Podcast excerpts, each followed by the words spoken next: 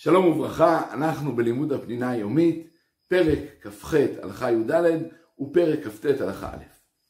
כאשר אדם הוא חולה שאין בו סכנה, עדיף שילך לרופא ירא שמיים.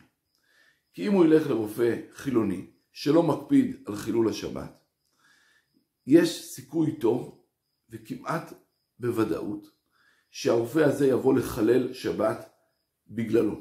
הוא יבוא להדליק את האור, הוא יבוא לכתוב, וממילא ראוי לו שילך לרופא ירא שמיים, שיעשה רק את הדברים המותרים, ולא יעבור בגללו על חילול השבת.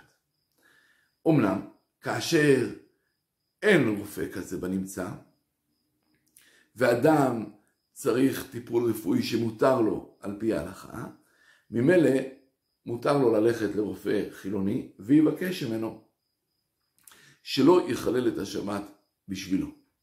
ואם הרופא לא מקשיב ועושה כדרכו, עדיף שימנע מקבלת הטיפול, כיוון שמדובר בחולה שאין בו סכנה, עדיף שימנע מקבלת הטיפול ויחכה למוצאי השבת.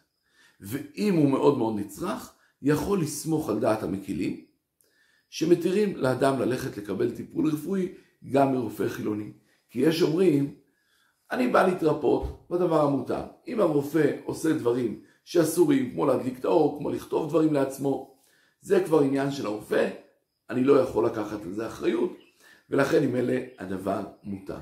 וכמו שאמרנו, בשעת הצורך ובשעת הדחק, אפשר לסמוך על דעת המקילים.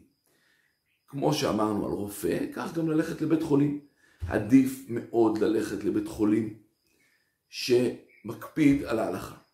כי אם הוא ילך לרופא, לבית חולים שבו לא מקפידים על ההלכה, סביר להניח שיעשו הרבה מאוד פעולות של חילול שבת בשבילו. אבל אם אין בית חולים אחר ואדם מאוד נצרך, כמו שאמרנו, יכול לסמוך על דעת המקילים. ומכאן אנחנו עוברים לפרק כ"ט שיעסוק בדיני עירובים. כפי שכבר למדנו, אסור לטלטל מרשות היחיד לרשות הרבים ומרשות הרבים לרשות היחיד, ואסור לטלטל ארבע מאות ברשות הרבים. אלא שיש דרך להפוך את רשות הרבים לרשות היחיד. וזה על ידי שני דברים.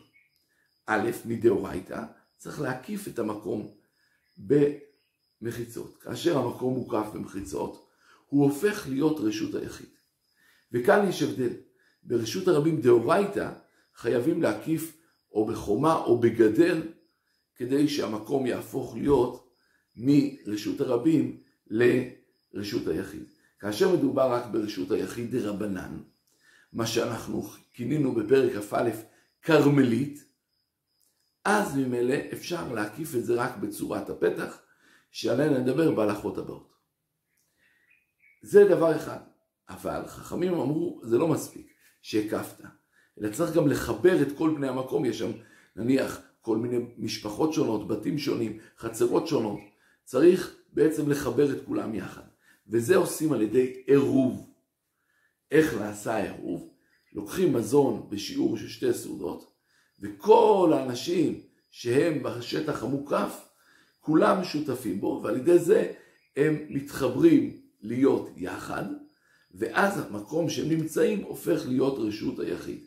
כלומר, כמו שאמרנו, מדאורייתא ההקפה של המקום במחיצות, ודרבנן גם להיות מחוברים יחד על ידי מזון שתי סעודות, מה שמכונה עירוב. נמשיך בעזרת השם בימים הבאים לפרט את ההלכות. שלום ושלום.